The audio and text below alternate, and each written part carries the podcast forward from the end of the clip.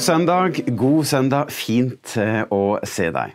I dag så skal vi til Det gamle testamentet. Og Det gamle testamentet det er et preludium for Det nye testamentet. Og gjentatte ganger så kan vi se spor eller hint om at Messias, Jesus, Guds sønn, skulle komme til verden. Og I Det gamle testamentet så finner vi mange troshelter. Og i dag så skal vi få lov til å møte én av dem. Utfordreren. Profeten Elia. Og vi skal få lov til å se et lite overblikk, ta et fugleperspektiv på hans liv og plukke ut av syv ulike stopp i hans liv som jeg skal få lov til å løfte fram. Det betyr at jeg ikke skal gå i dybden av noen av beretningene, men få lov til å bare peke kort, slik at dette kan få lov til å være med å inspirere og utfordre våre liv. Men først litt historie. Fordi at Israel de eh, fikk jo sin første konge i kong Saul, og så kom kong David, og så kom eh, Salomo. Og eh, det ble slik at riket dette kongeriket ble delt. Og Gud han hadde sagt det på forhånd, at riket kommer til å bli delt. Stammene i nord de gjorde opprør mot kongen, og på, grunn av den skattebyrden som den forrige kongen hadde gitt. Og Derfor så bryter de da ut ifra da eh, kongeslekten i sør, og skaper da Israel i nord, og i sør så blir det da Juda. Og i Israel, så i nord ledet av Jeroboam, så leder han da folket inn i avgudsdyrkelse ved å sette opp ulike gullkalver rundt om i landet som folket skulle tilbe. Og denne avgudsdyrkelsen ble da standard for da kongeriket i nord. Vi skal til første kongebok. Vi skal om lag 850 år før Kristus. Og da regjerte kong Akab, en av de verste kongene som har vært i Israels historie. Og Bibelen sier nettopp at kong Akab han gjorde det som var ondt i Herrens øyne. Ja, mer enn alle de andre som hadde vært før ham. For han gjorde mer for å egge opp Guds vrede over folket og kongene som var i Israel. Og kong Akab var da gift med eh, Jesabel. Og hun, hun hatet Herrens profeter og satte i gang en voldsom forfølgelse av dem.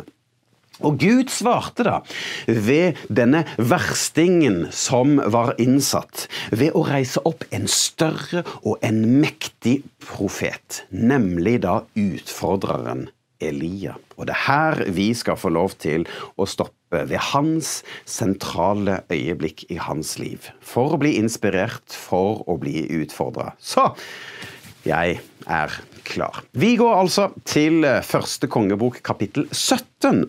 Og da ser vi der at Elia går til kong Akab for å konfrontere han med denne avgudsdyrkelsen. Så vi leser fra første kongebok 17.1, og der står det Så sant Herren Israels Gud lever, skal dette skje. Jeg står foran Guds ansikt når jeg nå sier at det verken skal komme dygg eller regn de kommende årene uten at jeg sier det. Altså, som en respons på denne store avgudsdyrkelsen som skjer, så sender da Gud denne profeten til kongen og advarer kongen om at dersom dere ikke slutter med avgudsdyrkelse, så vil det verken komme dugg eller regn. Altså, det ble en tørketid i Israel. Og datidens avgudsdyrkelse, det var å tilbe denne Bal, en ånd eller en slags gud, som man da tilba. blant annet ved å tilbe da disse gullkalvene. Avgudsdyrkelse. Ja, det er jo noe vi snakker svært lite om i vår tid. Avgudsdyrkelse det florerte rundt på denne tiden. Og avgudsdyrkelsen den ledet jo folket bort fra Gud, og heller til noe annet. Og la oss gjøre et tankeeksperiment. Hva om utfordreren, profeten Elia, hadde levd i dag? Hva ville han sagt til oss som lever nå? Om avgudsdyrkelse. Kan det hende at Elia hadde kommet til oss og pekt på at vår tids avgudsdyrkelse kan være egoisme, individualisme, at det handler om meg og mitt og mine ting.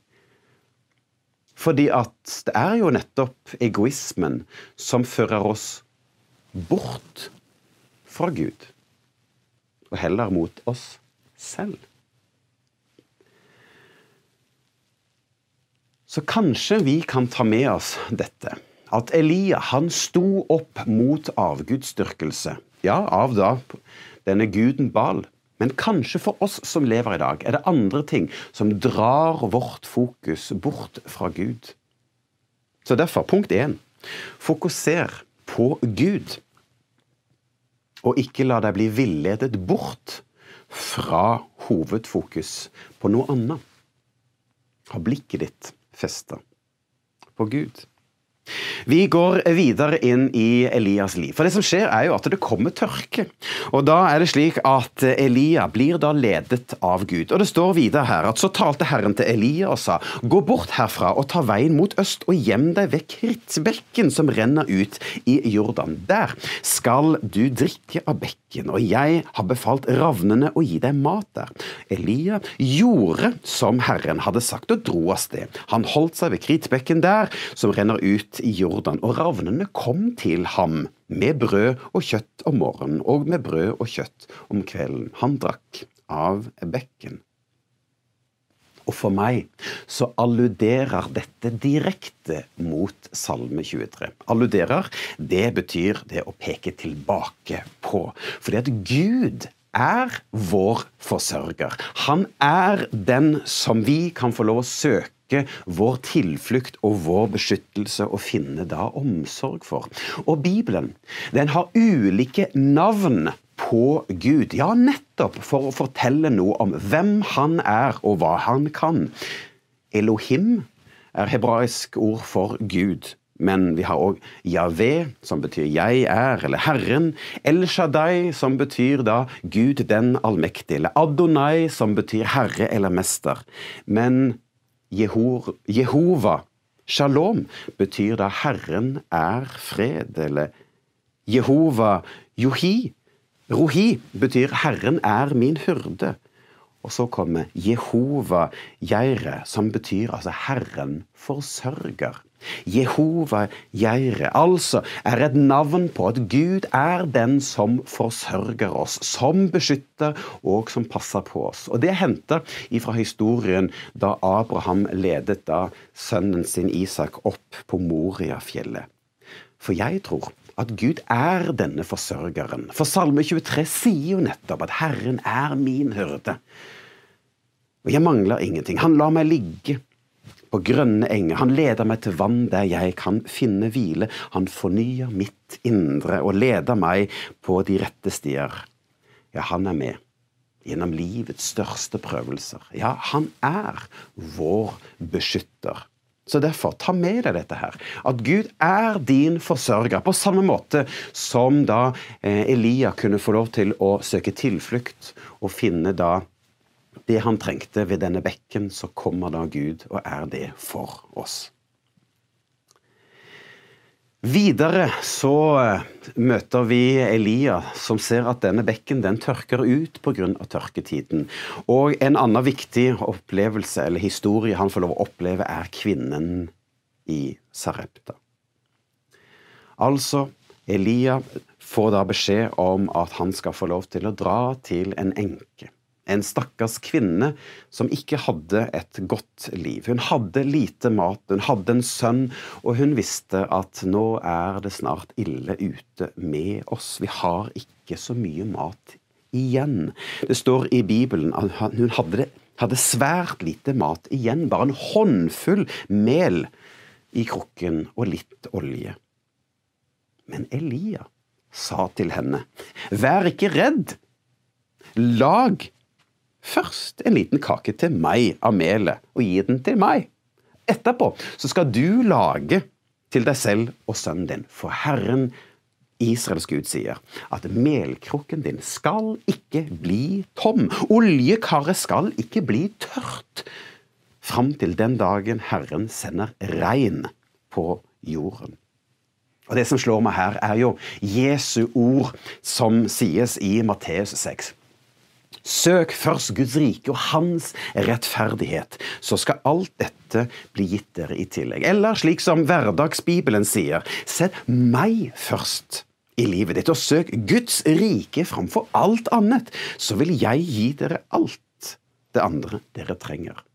Ja, jeg tror at dette er et guddommelig prinsipp, at vi skal sette Gud først i våre liv og søke Hans vilje.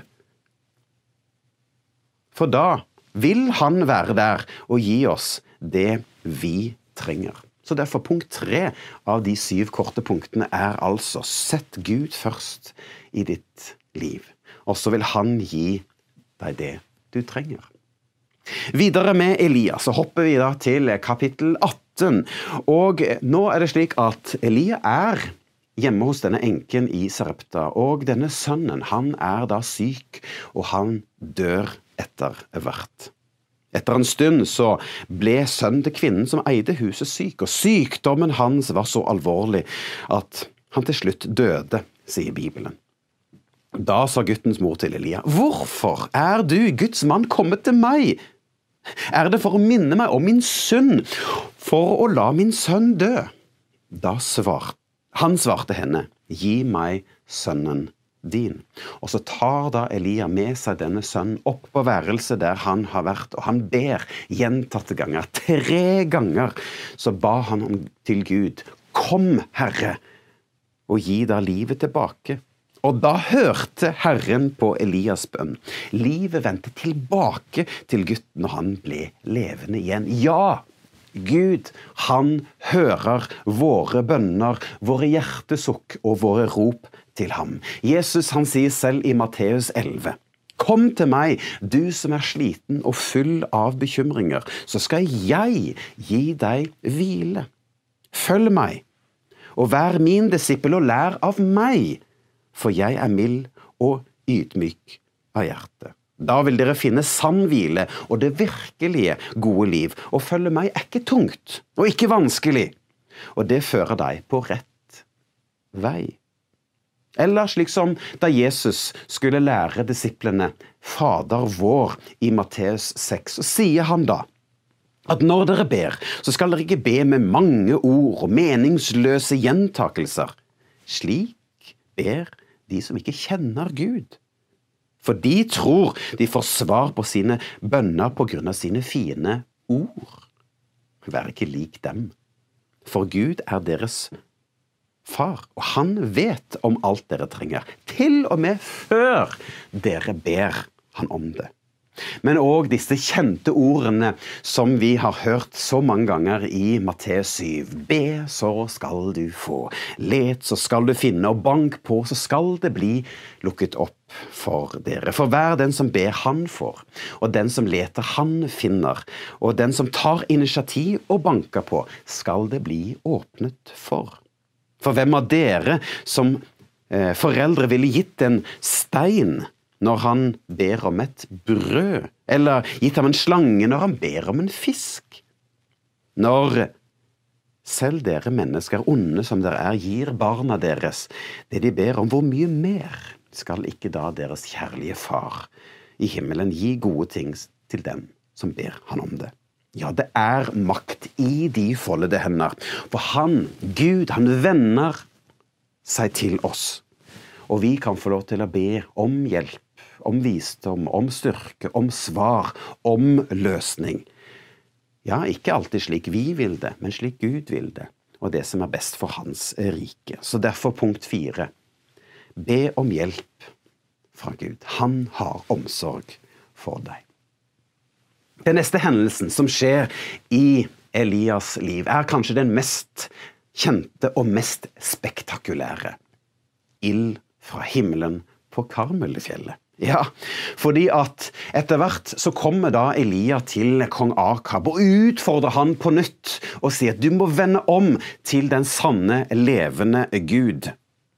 Og Elia han sier, hvor lenge vil dere halte til begge sider?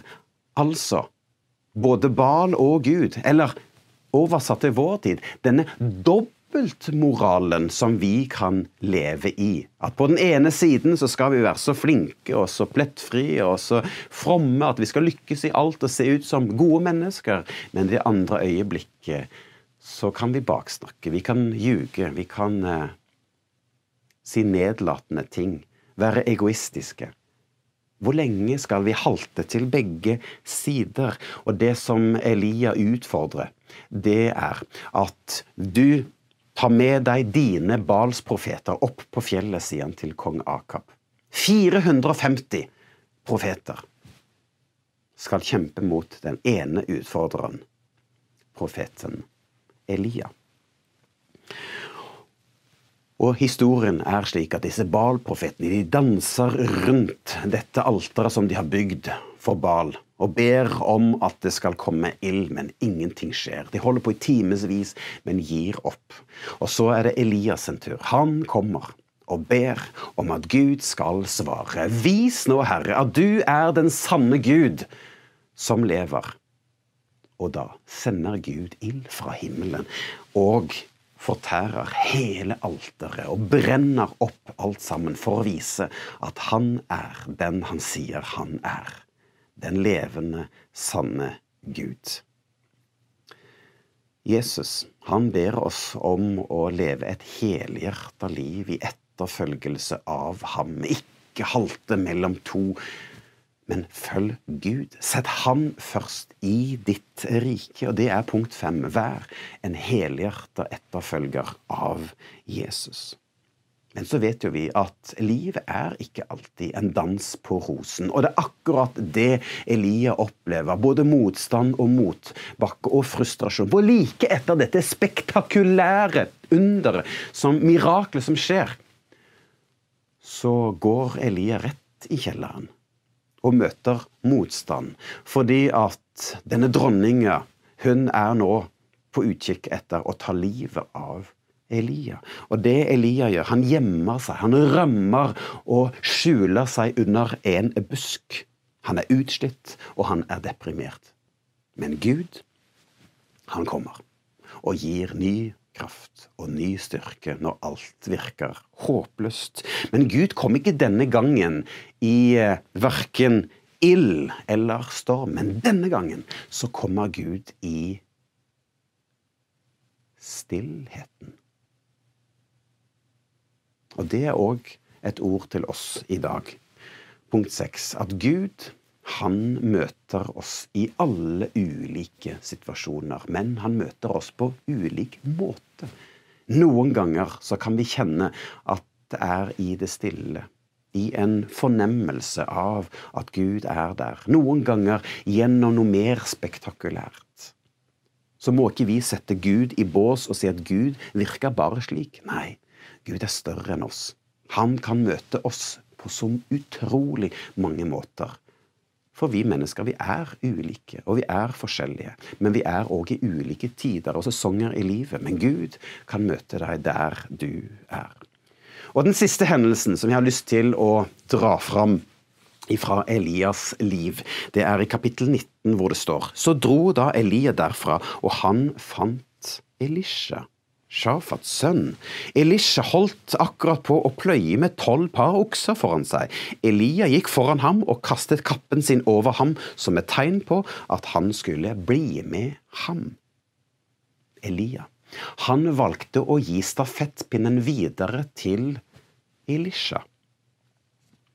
Og Elisha blir òg en stor profet. Ja, kanskje ikke like kjent som Elia. Men Elisha han ba Herre, må du gi meg dobbel styrke av det som Elia hadde. Og Leser vi i Bibelen, så ser vi at Elisha gjorde dobbelt så mange under eller tegn. Fikk oppleve Gud gjorde under og tegn som Elia.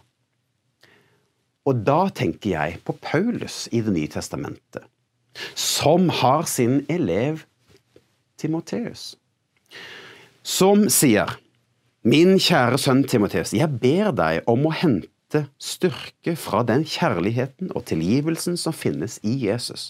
Og så alt det som har eh, Alt det som du har hørt meg forkynne i forsamlinger, skal du forkynne videre til mennesker som er trofaste, som også er i stand til å undervise dette videre til andre. Altså punkt sju handler om har du mennesker i ditt liv som du på sett og vis kan være en læremester for? Enten om det er i din jobb eller i din familie eller i tjeneste i, i Guds rike i menigheten, at du kan være med å gi videre noe du har fått, eller legge til rette for at andre skal få lov til å blomstre. Ja, nå var dette et kort overblikk over Elias liv og historie. Og det er mye her som kan få lov til å inspirere oss, men òg da utfordre oss. Han endte sitt liv med å bli hentet i en ildvogn opp til himmelen. Han levde et spennende og spektakulært liv. Og Jesus han inviterer oss til å følge ham og bli hans disippel. Og på sett og vis så kan det òg være et veldig spennende og spektakulært liv. Så med det så har jeg lyst til å si tusen takk for eh, i dag. Jeg håper at du har fått noe, både for hodet og for hjertet. Gud velsigne deg.